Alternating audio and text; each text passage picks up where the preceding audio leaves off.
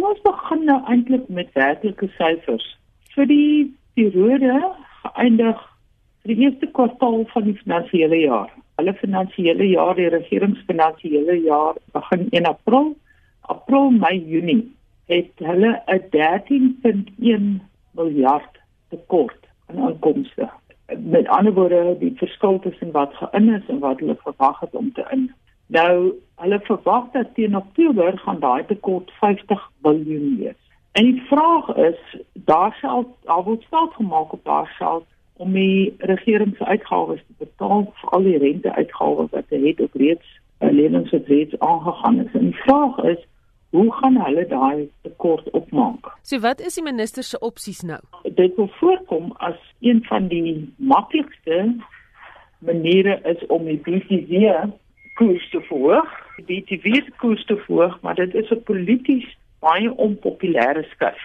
En waar ons Desember ons die die verkiesings het vir die ANC party twyfel die meeste kenners of die minister sou ver sal gaan om die om BTW te verhoog. Dit is 'n interessante vraag om te bespiegel oor wat gedoen gaan word om daai tekorte in.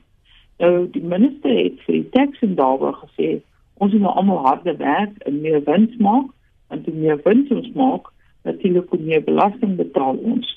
Maar ek dink jy daar's enige iemand wat in besigheid is of wat in die ekonomie is wat nie graag meer wil verdien nie.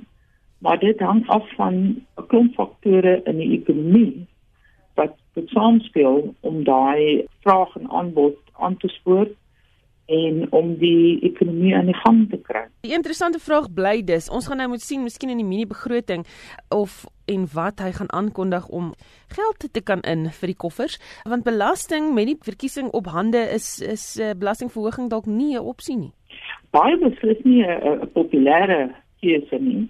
Maar die feit bly staan is waar waar mense natuurlik ook altyd eh, die die ooglopende vraag is hoekom spandeer hulle net nie minder nie. As jy nie genoeg geld inkry nie, dan spandeer jy minder. Maar baie van die verpligtinge wat die regering het, is reeds aangegaan. In ander woorde, die lenings waarop hulle rente betaal is reeds aangegaan. Dit is nie asof hulle nou eers skielik minder rente kan kan kies om minder rente te betaal. Die salarisse wat vir staatsamptenare betaal word, is reeds die mense is reeds in diens. Daai bedrag moet betaal word. En baie van die van die projekte waar hulle gelde verskuldig is, is projekte wat reeds aan die gang is. So daar's 'n beperkte hoeveelheid aksies wat geneem kan word om die uitgawekant te verminder alhoewel dit natuurlik waar die groot debat inkom van hoe effektief word die geld spandeer en word die geld maar gemors nie en dit is waarmee jy nou die gesprek begin het jy te sê dat uh, daar word so belastingpligtiges gesê nie nou op 'n belasting betaal omdat daar nou so baie gerugte in die koerante is oor vermorsing van geld